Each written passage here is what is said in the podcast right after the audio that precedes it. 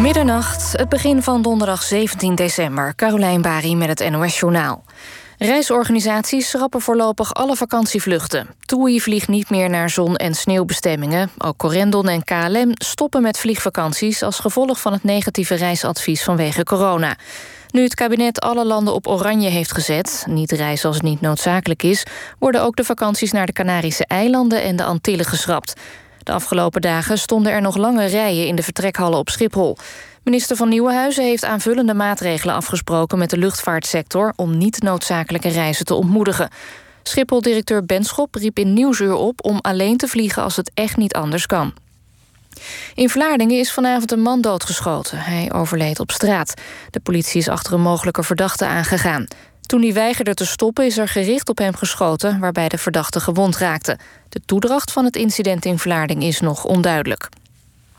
Bij een woningoverval in Kampen zijn tientallen zeldzame Pokémon-kaarten buitgemaakt. De kaarten komen uit de jaren 90, toen de Pokémon-rage op zijn hoogtepunt was. De gestolen kaarten zouden een gezamenlijke waarde van duizenden euro's hebben. De politie deed sporenonderzoek in de woning. Van de daders ontbreekt nog ieder spoor. Ajax heeft op het nippertje de achtste finale bereikt van de KNVB-beker. Vlak voor tijd stond FC Utrecht nog met 4-3 voor... maar in de laatste minuten wisten de Ajaxiden er 5-4 van te maken. Ook PSV en VVV Venlo gaan door in de bekercompetitie. De Eindhovenaren wisten in Doetinchem met 2-1 te winnen van de Graafschap. Venlo won uit met 4-1 van Almere City. De vrouwen van PSV gaan niet verder in de Champions League. Barcelona was, net als een week geleden in Eindhoven... ook in het eigen stadion Johan Cruijff met 4-1 te sterk. Het weer, de bewolking neemt snel toe... en vannacht trekt een regengebied over het land... bij een minimumtemperatuur van 6 graden. Morgen begint de dag grijs en druilerig... maar het klaart snel op en het wordt dan maximaal 10 graden. Dit was het NOS Journaal. NPO Radio 1. VPRO. Nooit meer slapen.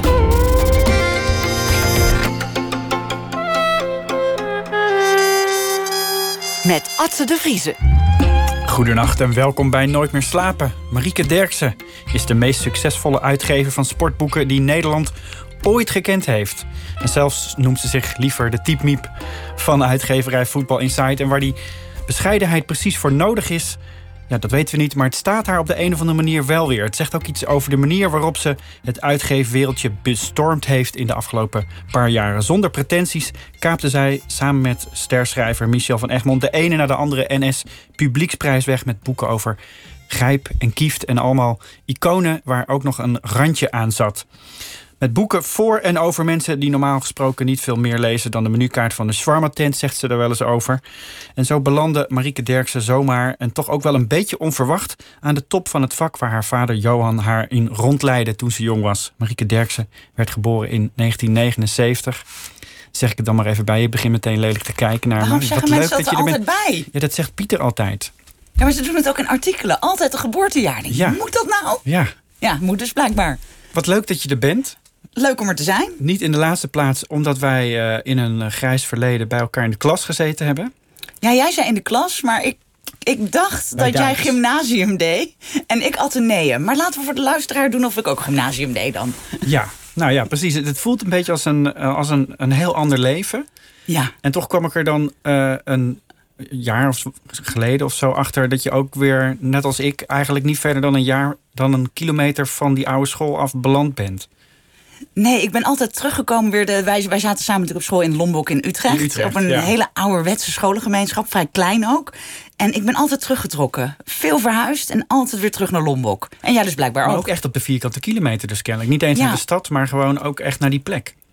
Ja, het is. eh, ik, ik, ik merk het nu ook in de coronatijd dat je wereld steeds kleiner wordt. En ik vind Lombok en Utrecht zo'n unieke wijk. Daar heb je nog een beetje het. Het zijn nog maar een paar straatjes eigenlijk waar je het hebt. Het dorpsgevoel. Dat je toch nog contact hebt met mensen. En dat je toch nog een beetje geborgen voelt. En ja, ik, ik, ik hoor daar thuis. Is het nog steeds hetzelfde met die coronatijd? Of loopt iedereen nu om een boog met een boog om elkaar heen? Nee, het is nog steeds hetzelfde. Ja, nee, de corona is nog niet helemaal doorgedrongen. Een beetje. Dat maar daalt niet echt in, hè? Nee, het daalt niet echt in. Maar het geeft je wel het gevoel dat er nog een beetje leven is. Ehm, als je de deur uitstapt. Je- we gaan het hebben over een hele hoop boeken die uitgekomen zijn de afgelopen tijd. Maar laten we beginnen bij een echte Utrechts boek. Als we het toch over Utrecht hebben. Over Wesley Snijder. Wes. dit jaar, dit jaar uitgekomen. Ehm, en ik moet zeggen, ik, ik ben dan als ik zo'n boek lees... niet echt gegrepen door eh, het succesverhaal bij Real Madrid... of wat er allemaal gebeurde op het WK toen we bijna kampioen werden. Maar bij de laatste scène werd ik pas echt gepakt. Dan is Kees Jansma, die het boek geschreven heeft... die gaat dan nog een keer bij Wesley langs. En dan wordt, krijgt hij een adres ergens in Overvecht. En dan komt hij op een soort bedrijventerrein terecht. En dat blijkt dan een soort van geheime kroeg te zijn... waar mensen die in die bedrijven werken, op dat bedrijventerrein... op vrijdagmiddag samen hun biertje drinken. En daar zit Wesley Snijder dan tussen zijn maten. Ja. En hij betaalt alle rondjes. En dan denk ik, ja, dit is dus eigenlijk de reden dat dat boek er moet zijn. Toch dan heb je in één keer die sfeer te pakken van Wesley Snijder in zijn habitat. Ja, nou, dat, dat vind ik ook. het Ik vind, ik vind hem heel erg leuk. Omdat hij. eh, kijk, het is natuurlijk echt een wereldster. eh, record international. Maar hij is eigenlijk wel altijd ergens dat Utrechtse schoffie gebleven. Ja. Dat ik een manuscript moest langsbrengen bij hem. En dat het bij zijn beste vriend is. De deur staat open. Dus je loopt maar gewoon naar binnen. En voor je het weet zit je op een, eh, een plastic stoel in het tuintje. met een glas wijn in je hand. Van nee joh, wijfie, je blijft lekker zitten. Je hoort er nu bij. En dat is heel leuk aan hem. Dat heeft hij echt wel behouden.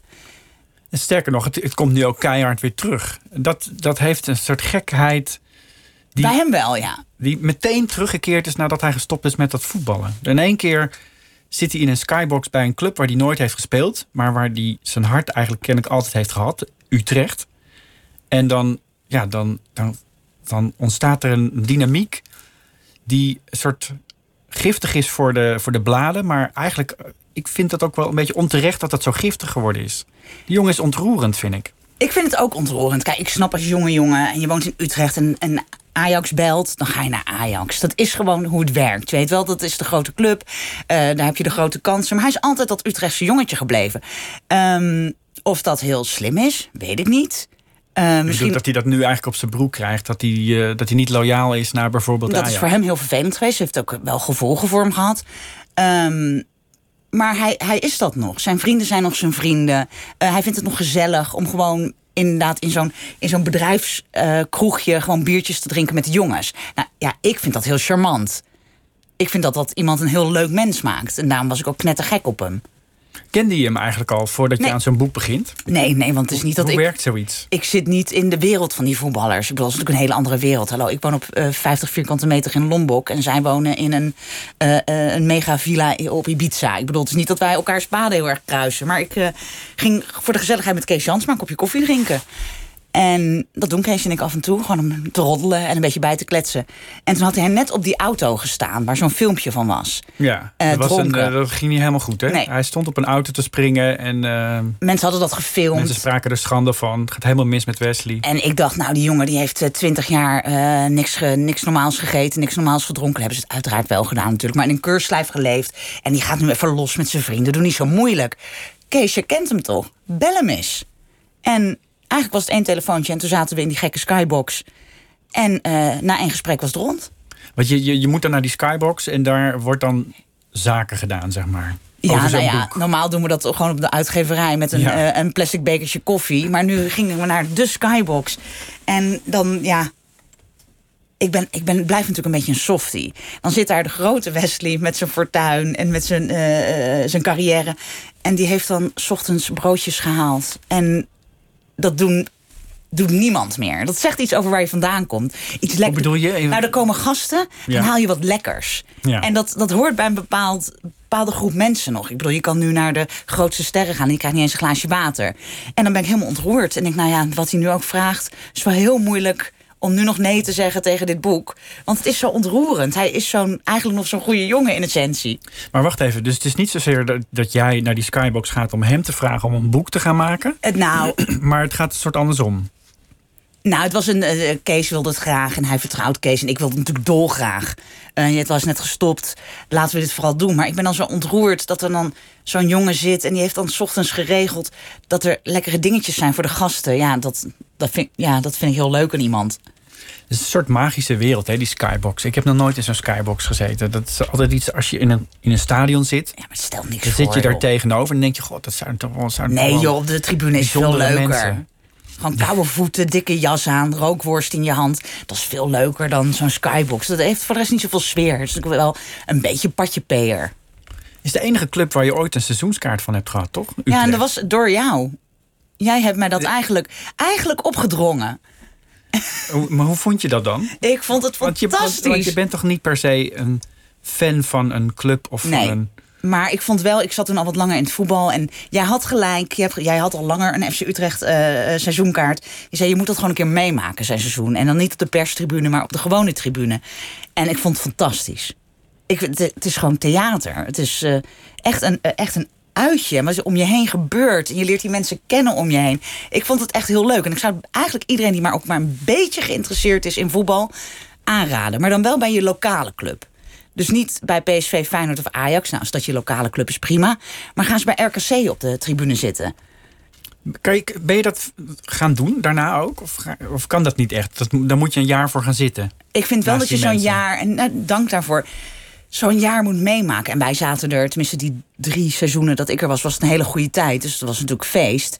Maar de ontroering ook van mensen naast je die snippertjes hebben geknipt de hele week. En of eh, het ritueel van, eh, van eh, de man aan de andere kant die dan een autodropje altijd geeft in de rust aan je. Ja, ja ik hou daarvan.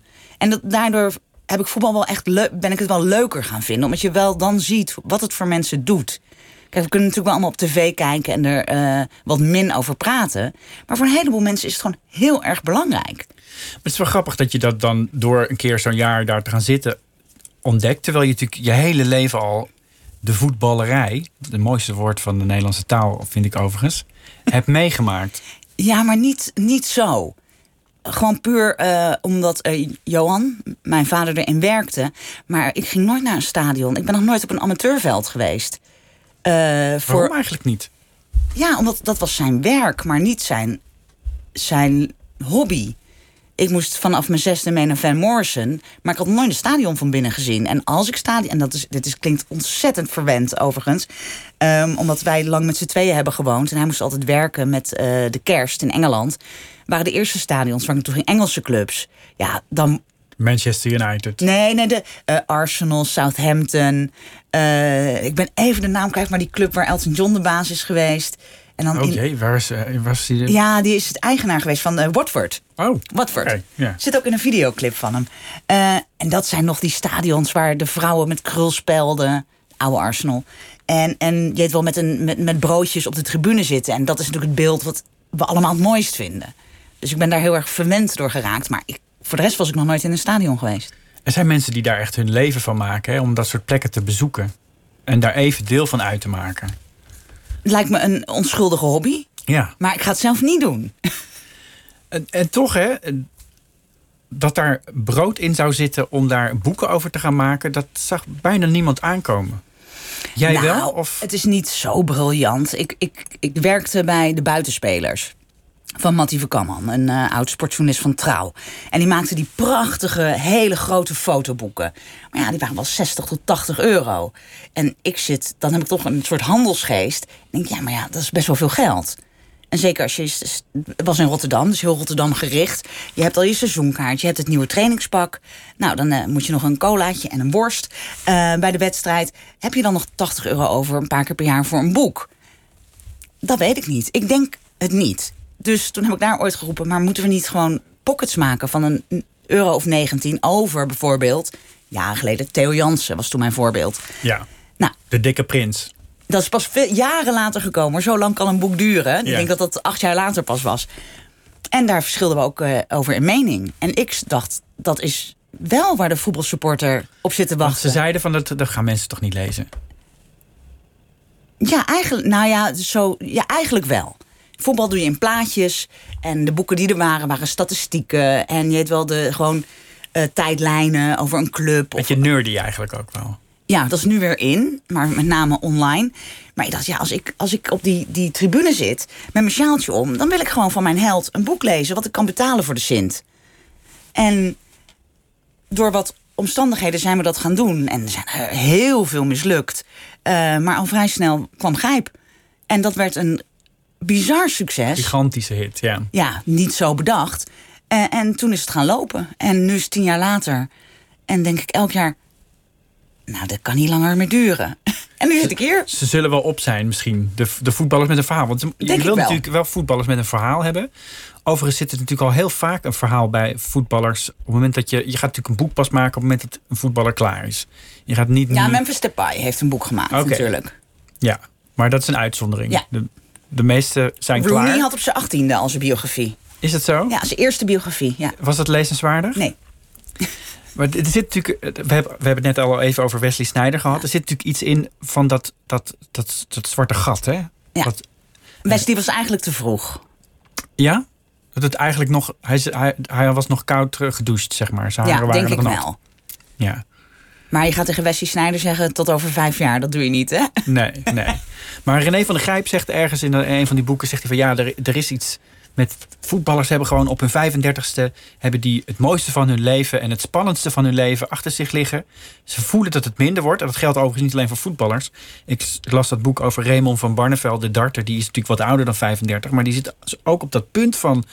Je voelt dat het beste eraf is. Nou, maar Raymond zat er wat je. vaker in die... Die zat er wat langer in die periode, hoor. Dat hij het niet meer zag zitten. Die was gewoon depressief, bedoel je? Dat denk ik wel. Dat is niet een zonnestraaltje. Nee, Dat is een andere... Ik denk als je darter kan je wat langer mee. Maar ga- ga verder. Of je 35 als voetballer. Ja, Dan is het klaar eigenlijk. En dan weet ja je gewoon... dat is het mooiste geweest. dan dat, dat heeft al eigenlijk per definitie iets tragisch. Of zijn er ook mensen die daar ontzettend goed mee om kunnen gaan? Nee, weinig, weinig. Dat zijn denk ik wel echt de, de, de helden. Maar het lullig is natuurlijk dat andere mensen in de gewone maatschappij... begin je vanaf je 35ste juist wat op te bouwen. En dan begin je als het goed is een beetje carrière te krijgen. En begint het leuk te worden. En heb je wat meer cent om wat leuke dingen te doen. En zij zijn klaar. Het wordt nooit meer zo mooi als dat. En dat is heel verdrietig. En ik denk dat heel veel daar niet mee om kunnen gaan. En dat, dan, dan voel ik ook wel voor, voor die jongens. Ik denk, nou, dat was het dan. Ben je 35? Dat heeft ook iets, iets tragisch en ook iets. eh, het levert ook vaak verhalen op die, die heel kwetsbaar zijn. En ook, ik bedoel, het verhaal van Kieft bijvoorbeeld is eigenlijk heel lang verborgen gebleven. Dat hij eh, verslaafd raakte, zijn geld over de balk gooide. En dat, dat boek is om die reden natuurlijk ook zo'n succes nou, geworden. Wim was niet zo'n big spender hoor. Dat was met name, en daar is hij heel open over, dus kan ik gewoon zeggen. Ja. Eh, het was met name eh, cocaïne en alcohol. Waar hij echt alles in gestopt heeft. Het was niet dat hij eh, met dikke auto's of privéjets, helemaal niet. En dat is echt een heel goed verhaal. En er zullen er meer rondlopen in de voetballerij en ook in de entertainment. Alleen je moet wel zo dapper zijn het te vertellen. En nou, dat zijn er weinig. En Wim heeft dat gedaan. En daar ben ik hem nog steeds heel dankbaar voor. En ik denk dat het goed met hem is afgelopen. Maar een, een, een goed verhaal in de voetballerij. En die zijn bereid om het te vertellen en eerlijk te zijn. Nou, ik denk dat we wel een beetje door de, de, door de eerste batch heen zijn. Het wordt steeds moeilijker. Ja. Er zit natuurlijk in dat, in, die, in dat zwarte gat en in die tragiek van eigenlijk iedereen die op jonge leeftijd het, eh, het beste ervan af ziet, ga, ziet glippen, zeg maar. Zit een soort van interessant kantelpunt, wat het volgens mij voor jou ook heel interessant maakt. Want iedere held, hoe groot de held ook is, misschien wel hoe groter de held is, hoe groter die eigenlijk daarna een underdog wordt. Je, hebt, je voelt een soort mededogen met zo iemand als hij een held is die valt. En elke held in de voetballerij valt, vroeg of laat, Ja. omdat hij oud wordt. Ja, maar dan heb je nog wel de characters waar je het echt mee voelt. Ja. Ik denk dat jij hetzelfde hebt. Bijvoorbeeld een Paul Gascoigne, hartverscheurend. Die was zo goed en zo emotioneel en zo leuk. En dan zie je hem totaal verwilderd in een badjas op straat. Helemaal de weg kwijt. Ja, dat, dat doet pijn. Dan hou je een beetje van die man. Al weet je dat hij heel veel slechte dingen heeft gedaan. Het raakt, het raakt je. Tenminste, dat heb ik. En of ze allemaal zo diep vallen, dat niet. Maar een heleboel gaat het mis, ja. Maar ik zag jou bijvoorbeeld dan over Maradona twitteren, die natuurlijk pas overleden Ja. is. Dat je dat bij hem dan op de een of andere manier niet voelt. Nee. Ja, ja, hij is heel goed, eh, was heel goed, maar Nee, maar dit, andere manier... oh, mensen gaan me nu haten. Oh, wat erg. Ik ben net te jong om Maradona echt in zijn prime te hebben zien spelen. Ja. Maar ik heb altijd dat hij altijd al zo was. Maar wat, is, wat bedoel je met zo? Nou, ik heb nooit ehm, de, de sympathie met hem gevoeld. Hij was altijd al een beetje raar. En, en, en hij is de allerbeste hoor, daar niet van. Maar ik heb die warmte niet bij hem. Ik, eh, de, zijn, periode van gekte en onsympathiek was zo ontzettend lang. Dat ik denk, dit is gewoon wie jij bent. En dan neem ik hem niet kwalijk. Want ik snap het, zijn achtergrond en zoveel roem. En, maar ik heb dat warme gevoel niet met hem wat ik met een, een Gascoigne heb. Dat, is, maar dat is ook de generatie die je bent. Ik heb hem dus net niet gezien. En dan word je niet heel erg ontroerd door de hand van God. Dan denk je alleen maar, ja, dat is gewoon vals Leuke spelen. actie. Ja. Ja. ja. Nee, bij hem, wel heb ik het lekker niet. Bij hem- maar- bij hem vind ik het eh, meer zielig hoe hij is uitgebuit. Die man is natuurlijk echt uitgebuit. Als je hem langs de lijn in zijn laatste jaar... die man was niet goed meer bij zijn hoofd... op een troon zet, dat is niet oké. Dan, dan buit je hem uit om, om daar geld aan te verdienen. Om dat, dat vind ik heel onsympathiek. Om hem te pleasen ook. Om hem misschien het gevoel te geven dat hij belangrijk is... zodat hij iets voor je doet. Nou, maar een volwassen man op een voetbalveld op een troon zetten, dat is. En dat is geen. Kijk, Cantona heeft dat gedaan, sla- slaat dan. Maar dat was zelfspot. Maar hij, neemt- hij dacht echt dat hij de koning was.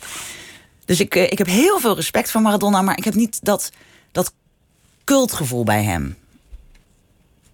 Heb je, heb je altijd het gevoel gehad... eh, omdat die voetballerij bij jou hoorde? Of ben je er Nee, ook lang van niet. weggerend?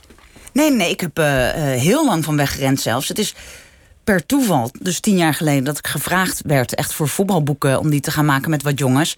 Maar ik, eh, ik was daar helemaal niet zo mee bezig. Nou, weet ik niet of ik.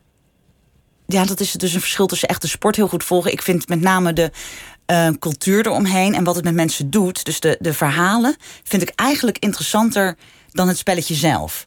Ik kan heel erg genieten van de iconen die worden gemaakt. Een Maradona dus bijvoorbeeld, wat niet zo mijn smaak is. Maar ehm, hoe belangrijk zo'n sport is. En hoe belangrijk dat soort mensen kunnen worden voor iemand.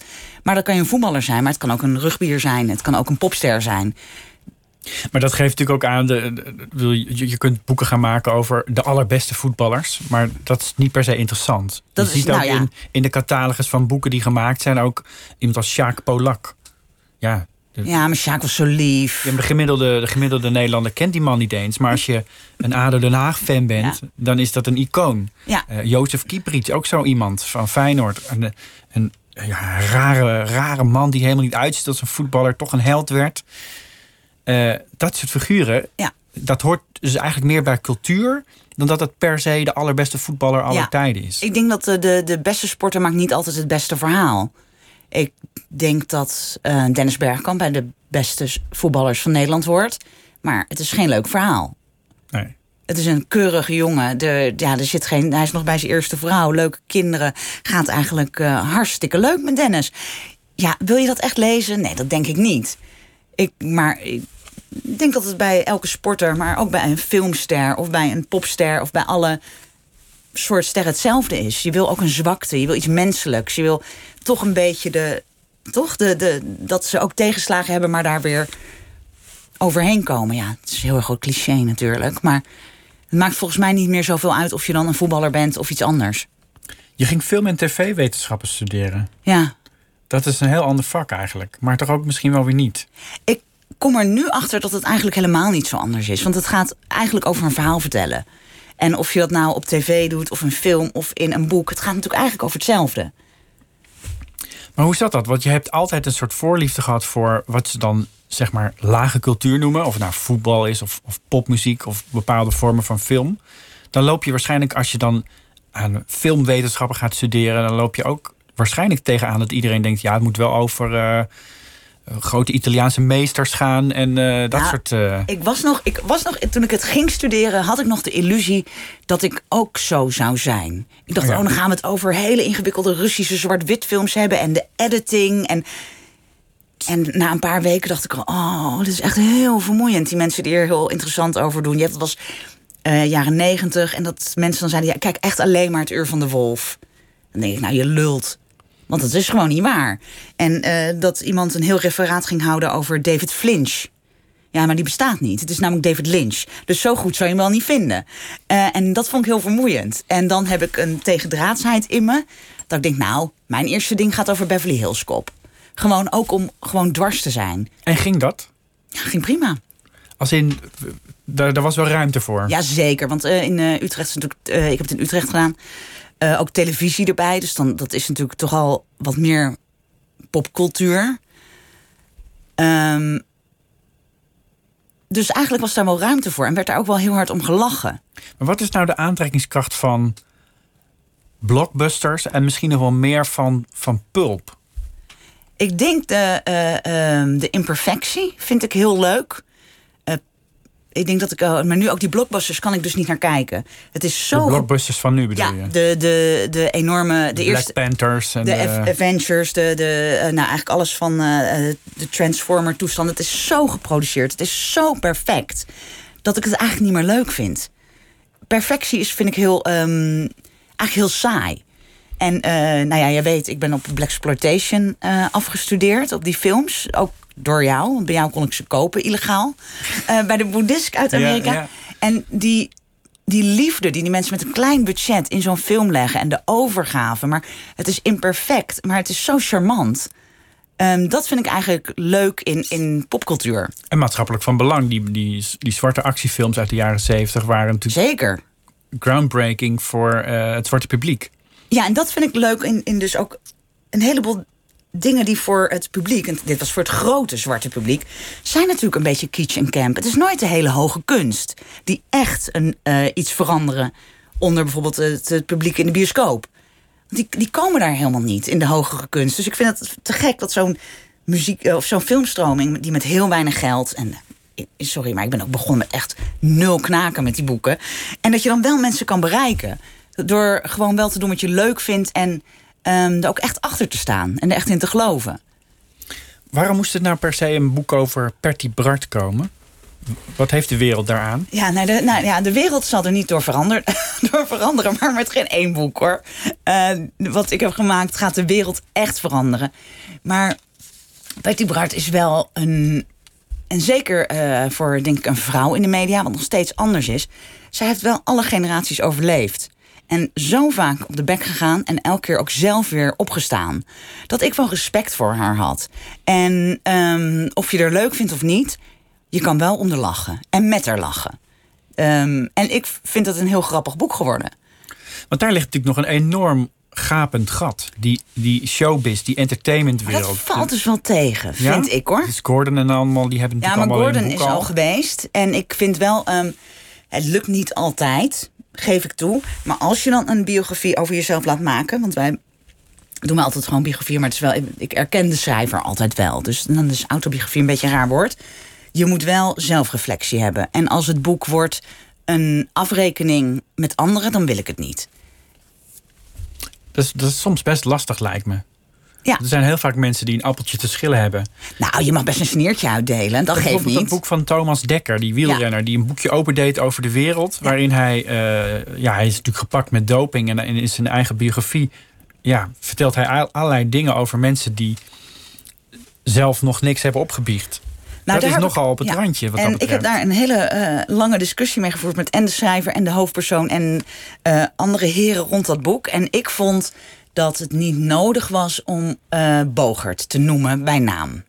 Zeiden ze ja, maar ja, iedereen die wat van wielrennen weet, die weet wie er in die ploeg zat. En dan gaan ze speculeren en dan kunnen het er drie anderen zijn die mee naar de hoeren zijn gegaan. Ik heb dus die discussie verloren. Maar het was, het had, ik, zat, ik twijfelde daar ook erg aan. Nou, hoeft Michael Bogert niet nog steeds boos te zijn. Ik wil zo erg is nou ook allemaal weer niet, hè? ik, bedoel, ik bedoel, hij is niet meer bij die vrouw. En, eh, maar dat is, last- dat is een lastig, een lastig eh, eh, gebied. Omdat je Ja. aan de ene kant wil je de juice, je wil de, de, de dirt, je wil echt de sensatieverhalen. En tegelijkertijd, als ik die, de meeste, bijvoorbeeld de boeken van Michel van Egmond lezen niet als sensatieboeken. Maar Michel is wel uniek daarin. Die kan dat heel goed. Ehm, en daarom, ja, daarom verkoopt hij ook zo goed en werken we al tien jaar met z'n tweeën eh, Wa- wat, is samen. dan, wat is daar de kracht dan van? Waar zit dat in? Nou, hij heeft iets heel, ehm, ja, dit klinkt allemaal heel slijmerig, maar hij heeft iets heel menselijks. Hij is echt geïnteresseerd in zijn hoofdpersoon en graaft ook echt. Ehm, en van het materiaal, van, als hij, eh, eh, gebruikt hij misschien 10%. En hij is niet op zoek naar, hij is, hij is niet echt op zoek naar het schandaal. Maar als je zo nauw met iemand omgaat en iemand vertrouwt je, ja, dan vertellen ze je dat ook. Maar het is een, het is een hele dunne scheidslijn. En ik vind sowieso dat ehm, ehm, als je in een non-fictieboek wat vertelt, in de, het genre waar ik in zit, dan moet je er zelf bij geweest zijn. Hearsay, absoluut niet. Want er is Nooit. zoveel heersay in die Ja. wereld. Je moet erbij zijn, zijn. Dat, eh, bij zijn geweest. Dat vind ik wel echt een, een absolute grens.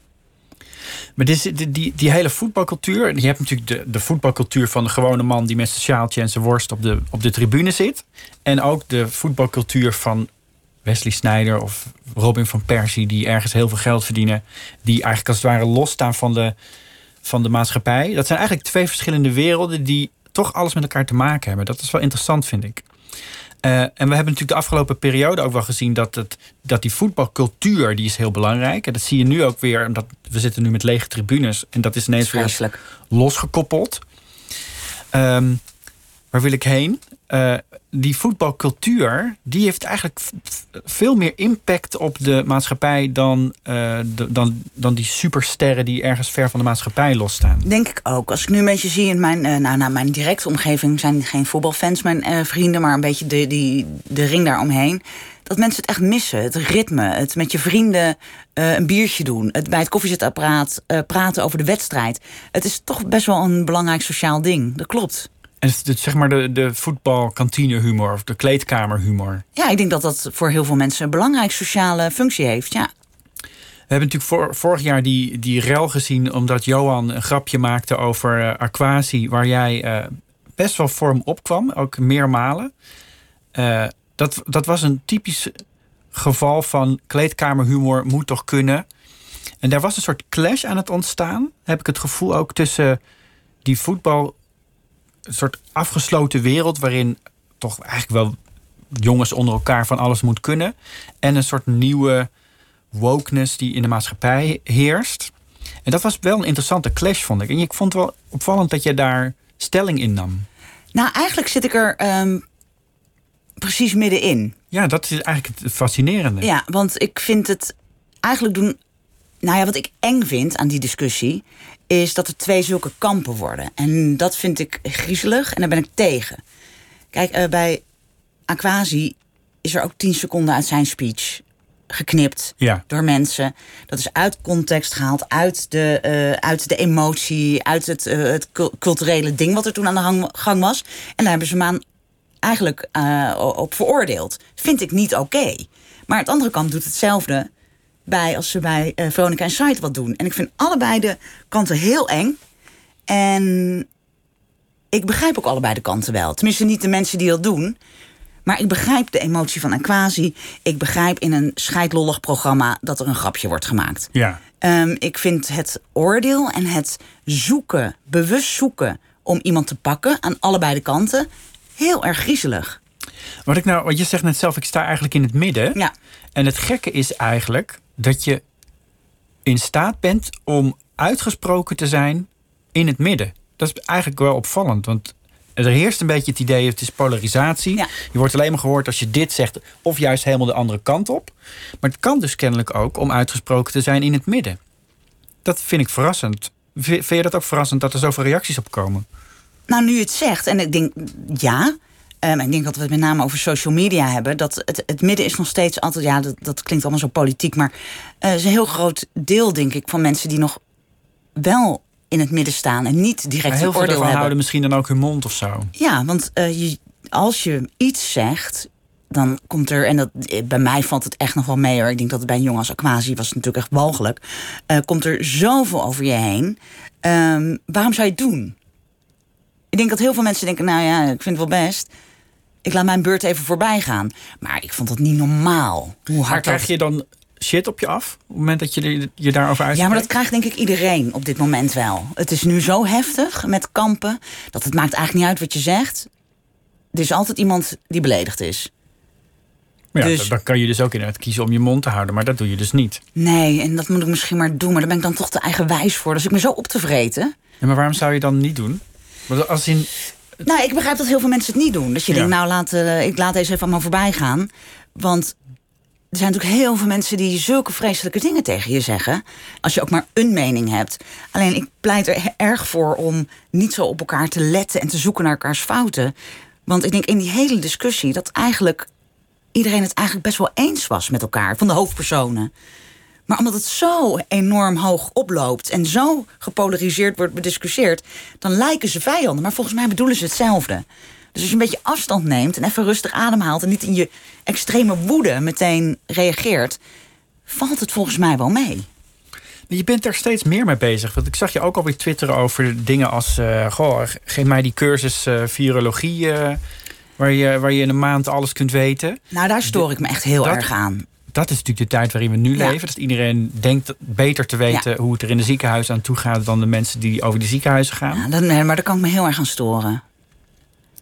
Je, je bent ook team Stella Bergsma. Als het gaat om vrouwelijk Absoluut. naakt bijvoorbeeld. Dat is ook iets waarvoor je, waarvoor je, waar je graag over uitspreekt. Nou, ik vind, eh, kijk, Stella en ik zullen het niet eh, me- eh, over alles eens zijn. Maar ik vind het ook een misverstand dat je het met iedereen eens moet zijn. Je kan toch ook wel eens oneens zijn over een onderwerp en gewoon nog vrienden zijn? Dat vind ik niet zo'n probleem. Ik vind dat altijd wel interessant eigenlijk. Ja. Want het zou wel heel vervelend zijn als al je vrienden het altijd eens zijn. Ik bedoel, waar heb je het nog over? Maar er zit dus een soort lijn in van dingen waar, die jij belangrijk vindt. Ja. Er zit een soort. je, bent, als het ware, je bent tegen de, tegen de demonisering van humor, om het Ja. zo maar even te noemen. En tegen de nieuwe preutsheid. Ja. Dus aan de ene kant zeg je, ik vind bepaalde dingen belangrijk die in de maatschappij gebeuren. Ik vind het ook be- belangrijk dat racisme uitgebannen wordt. Tegelijkertijd mag dat dus niet leiden tot een nieuwe preutsheid, tot een nieuwe eh, eh, ja, het afstraffen van mensen die Het een grapje maken. Nee, ik vind, ja, ja, dat klopt wel. Ik vind, ben absoluut voor vrijheid van meningsuiting. Eigenlijk in vrijwel alle gevallen. Ja. Ehm, alleen vind ik nu, waar je het net over had met de, de hele viruswaanzin en zo, die eh, gaan zo laag dat ze mensen beschuldigen van eh, eh, misdaden. Mensen doodwensen en zo. Dat vind ik echt te ver gaan. Dat is geen mening meer, dat is gewoon een, een bedreiging of een beschuldiging. Maar ik vind dat je best ver mag gaan in de vrijheid van meningsuiting. Dat wel. En er zit ook nog een verschil nog tussen vrijheid van meningsuiting en vrijheid van humor, voor mijn gevoel. Ja. Dus het is niet echt een bekend begrip, dat verzin ik nu ter plekke. Maar Maar die is moeilijk. vrijheid van Ja. humor is een, is, een, is een apart ding. Omdat als je humor gebruikt, hoef je ook niet per se, hoeft niet per se je mening te zijn. Klopt. Het, het hoeft niet te stroken met je wereldbeeld. Je kan, ook, je kan ook iets zeggen waarvan je weet dat het incorrect is. Of waarvan je eigenlijk. Nou, ik vind dat je over alles grappen moet kunnen blijven maken. Absoluut. En natuurlijk zijn er dingen die we allemaal aanvoelen van dat misschien niet. En is het slim ook misschien niet. Maar we moeten daar niet al te moeilijk, denk ik, over gaan doen hoor. Want dan wordt het, wordt het voor elke eh, comediant of eh, wordt het wel heel erg ingewikkeld. Als je met iedereen rekening moet gaan houden, ja, dat wordt lastig.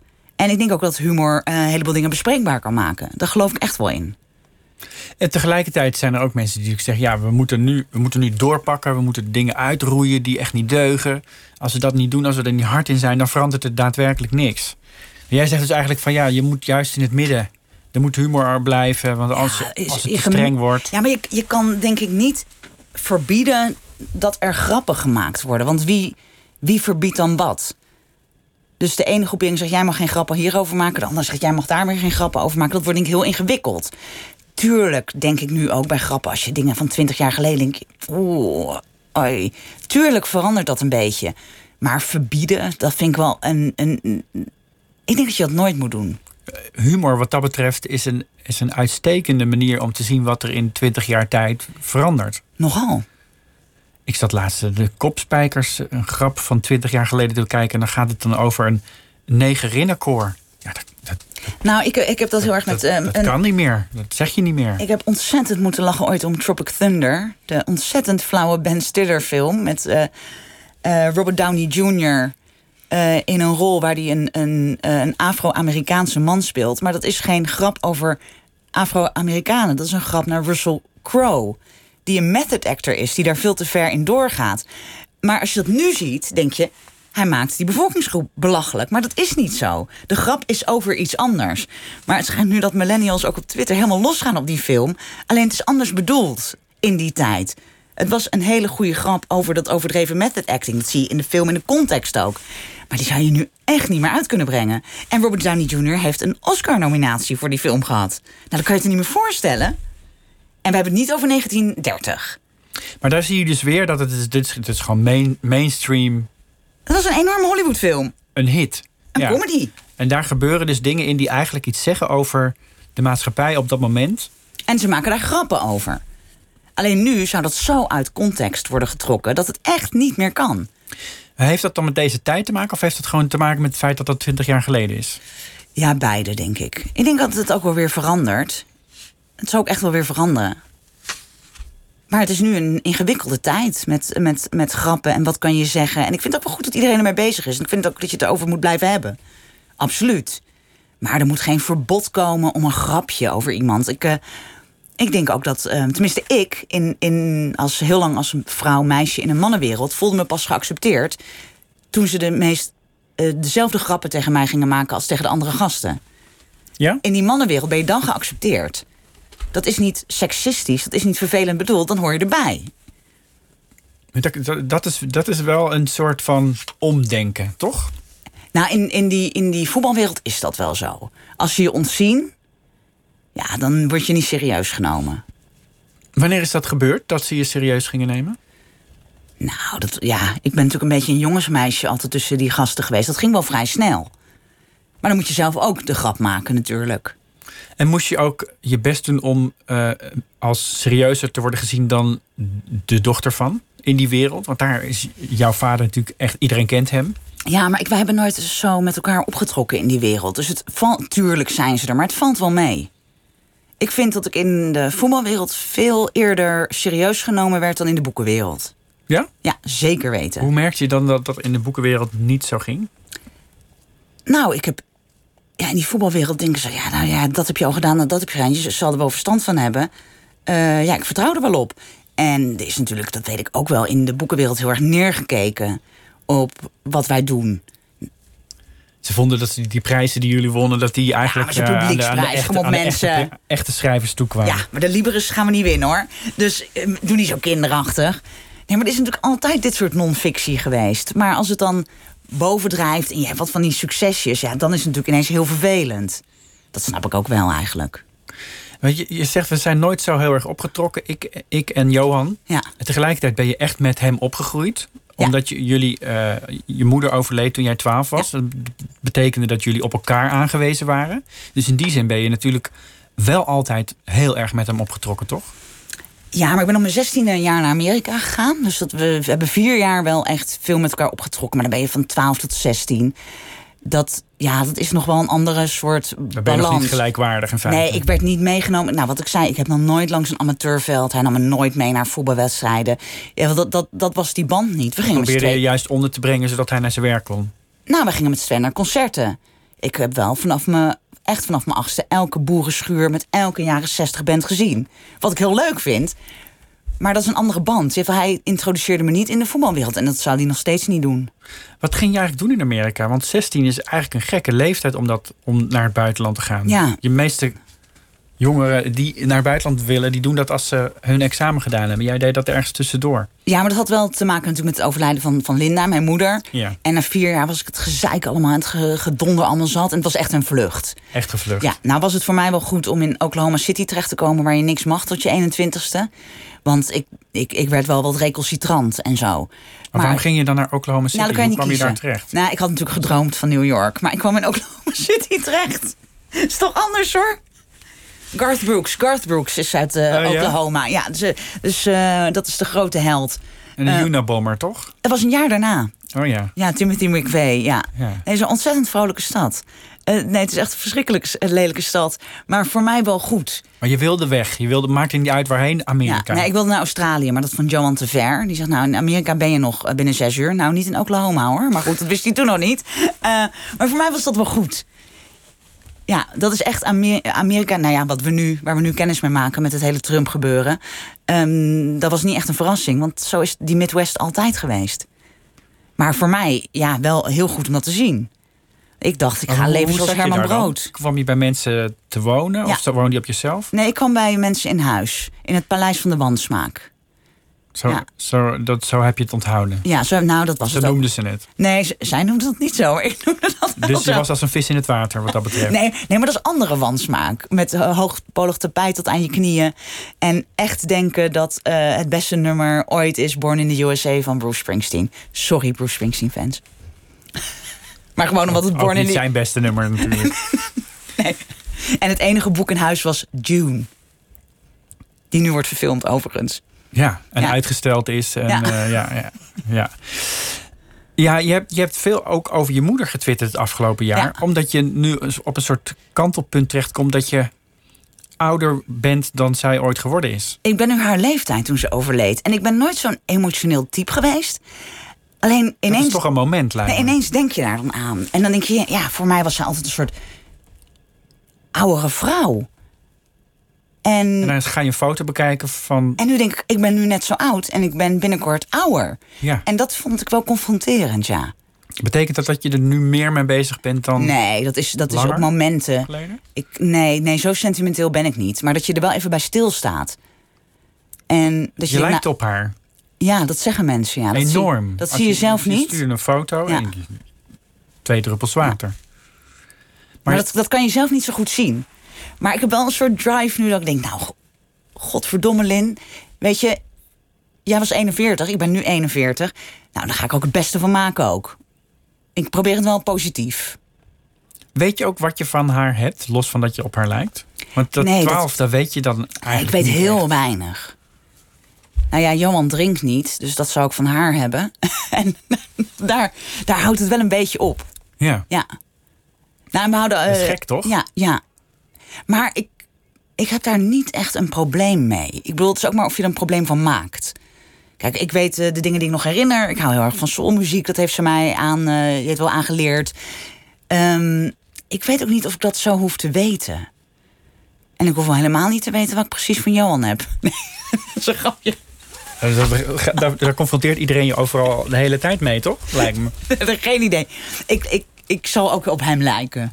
Absoluut. Nee, maar het is voor mij eh, iets, iets positiefs van... nou, nou, weet je, 41, ga er wat van maken. Ik ben niet iemand die heel erg in het verleden blijft ja, hangen qua verdriet of... Nee, wrok. Nee, totaal niet. Maar ga je dan wel op een andere manier weer dingen onderzoeken? Of ben je daar helemaal niet mee bezig? Want het, het viel me wel op dat je er, dat je er dingen over twitterde. Dat, Ja. dat, dat is toch ook kwetsbaar. En ehm, wil- daar worden ook opmerkingen over gemaakt. Op het moment dat het lelijk wordt op social media... krijg je ook opmerkingen die daarmee te maken hebben. Klopt. Op het moment dat Johan in het allerzwaarste weer terechtkomt... dan, dan komt de, de lelijkheid... en dan komt, komt dat ook naar Ja. voren. Dat lijkt me echt bizar. Nou, ik ben. Ik ben. Ik krijg wel steeds meer eelt op mijn ziel. Alleen soms denk je, ja, dat gaat me net te ver. En er was nu inderdaad in deze, dit hele conflict één ding. En dat iemand dan zegt, ja, Johan heeft zijn vrouw vermoord. Ja, dat gaat me net te ver. Weet je wel, betrek dat er niet bij. Vind Johan een lul? Eh, ben het niet met hem eens? Vind dat hij geen humor heeft? Whatever. Maar ga niet door dit soort dingen erbij betrekken. En ja, dan, dan raakt het je weer even. Maar ik word er wel steeds beter in. Ja, maar hij, hij verdedigt zich daar ook niet echt tegen. Nee. dat zal hem verder worst wezen. Maar jij, jij doet dat dus wel. Mm, af en toe. Maar omdat ook de, de aanval zo persoonlijk soms kan worden. Dat je denkt, ja, nou moet ik even wat zeggen. Maar het, het wordt wel steeds minder. Ja? Nou ja, je, je bent wel wat gewend. Ik bedoel, dit was niet het eerste relletje. En mensen zijn inderdaad echt vicious.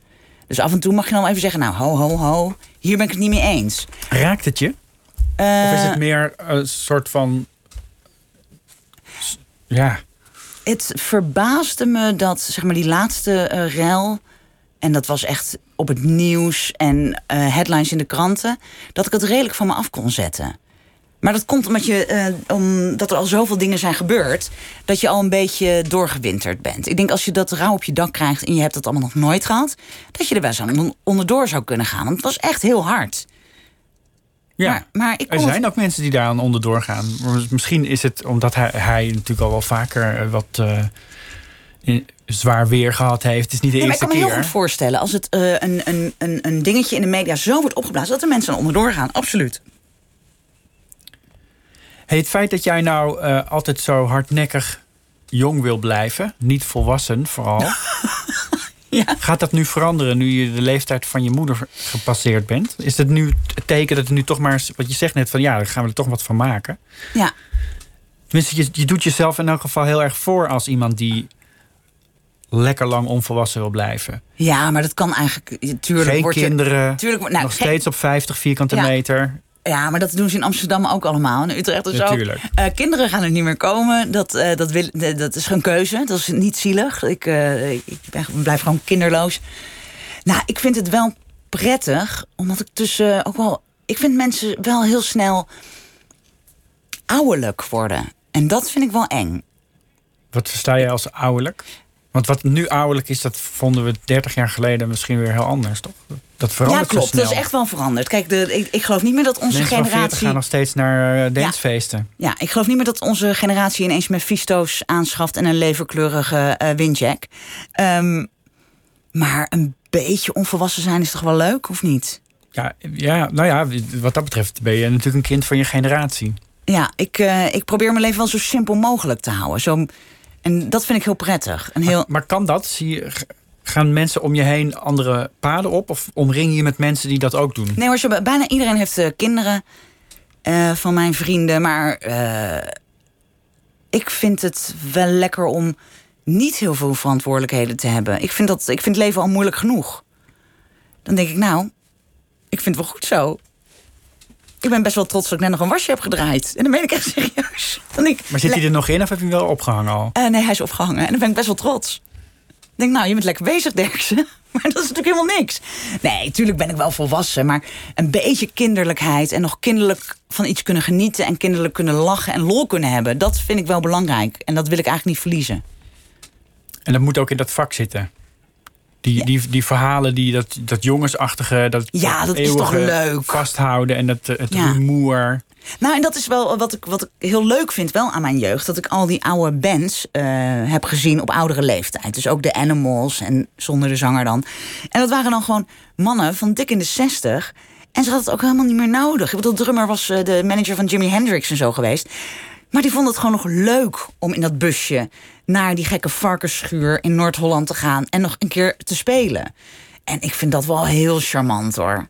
Dat is ook een apart circuit eigenlijk, hè? Die, die, die oude 70s bands, 60s bands die maar door bleven spelen. Ja, maar dan niet op een, uh, een zielige. Uh, we, we hijsen je nog één keer in een glitterpak en sprayen je haar nog een keer zwart. Maar dat is het vaak wel, toch? Ja, maar dit waren, uh, deze vonden het gewoon leuk. Ze deden het ook pas weer toen een jaar of zo. Kleine zaaltjes, die hadden lol.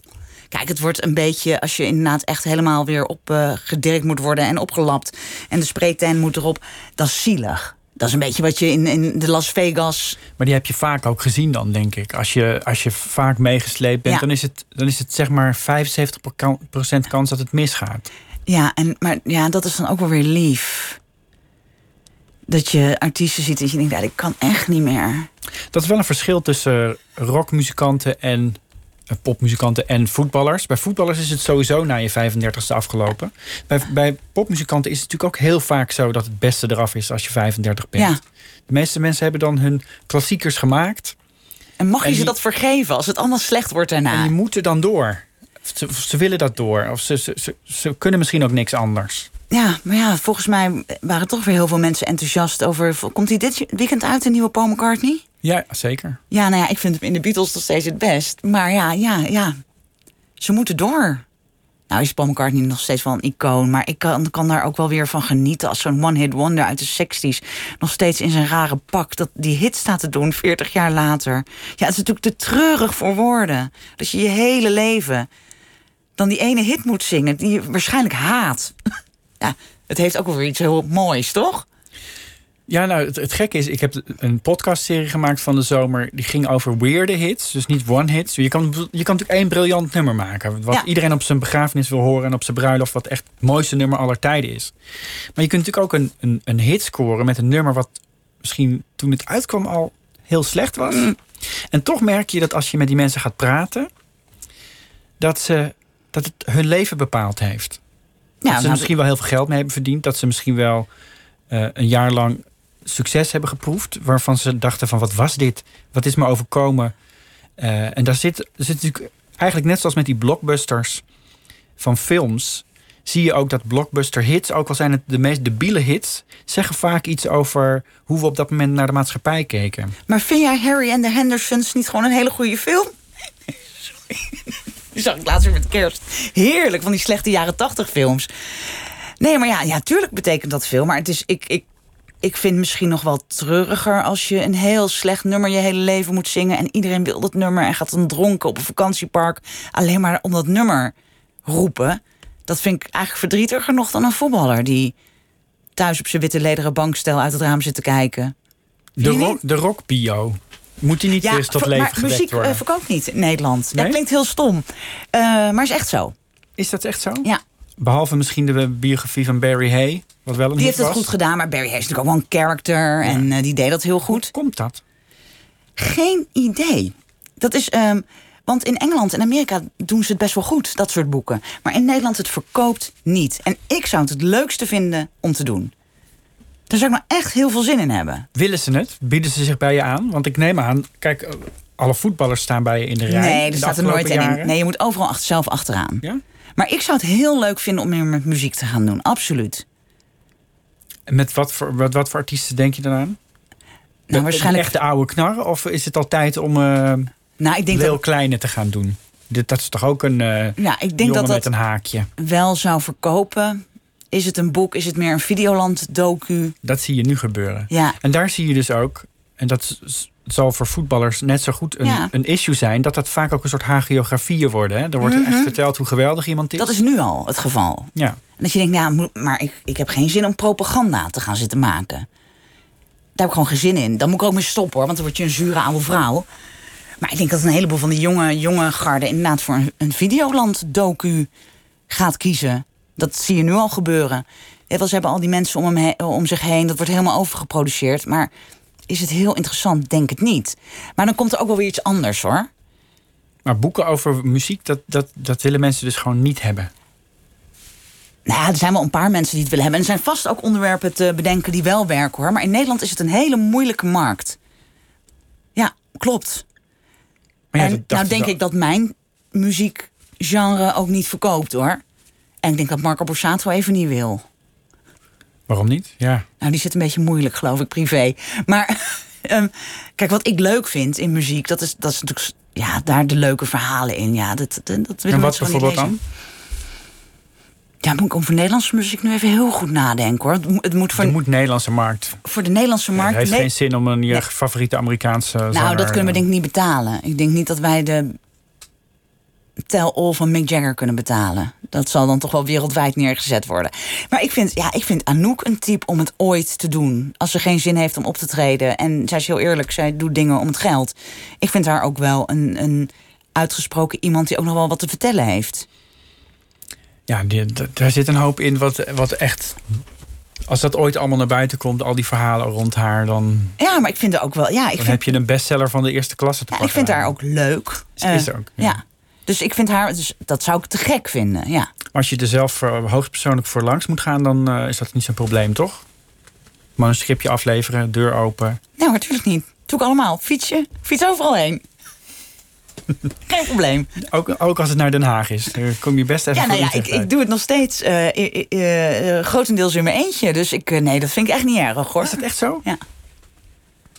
Dat kan toch niet? Nou, we hebben een marketing en PR aan uh, afdeling. Maar da, daar, ik, ik, als, als um, takje ben ik nog steeds alleen. En dat, dat vind ik ook prima. Wat moet je anders de hele dag gaan zitten doen? Met je voeten op het bureau. Interessant doen. Ik vind het wel lekker. Ik heb vandaag een hele dag uh, uh, verkeerde afbrekingen uit een tekst zitten halen. Ja, dat vind ik ook wel leuk. Niks ergens dan verkeerde afbrekingen in de tekst. Marieke Derksen, dankjewel dat je er was. Uh, om te praten over al die mooie sportboeken en entertainmentboeken die nog moeten gaan komen. Ik geloof dat Henny Huisman op de wishlist staat, toch? Henny Huisman staat niet op de wishlist. Die, die staat bijna. op de agenda. Die staat op de agenda.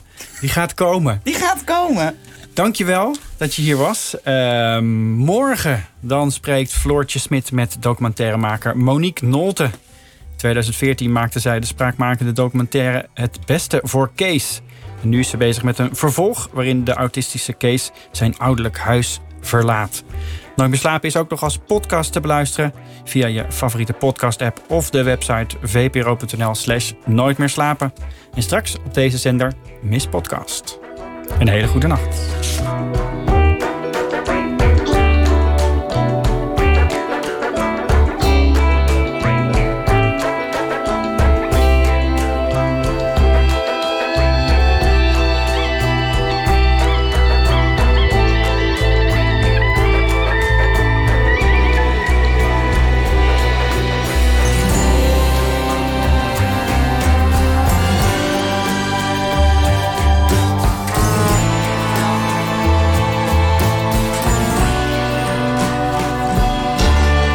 Radio 1. Het nieuws van alle kanten.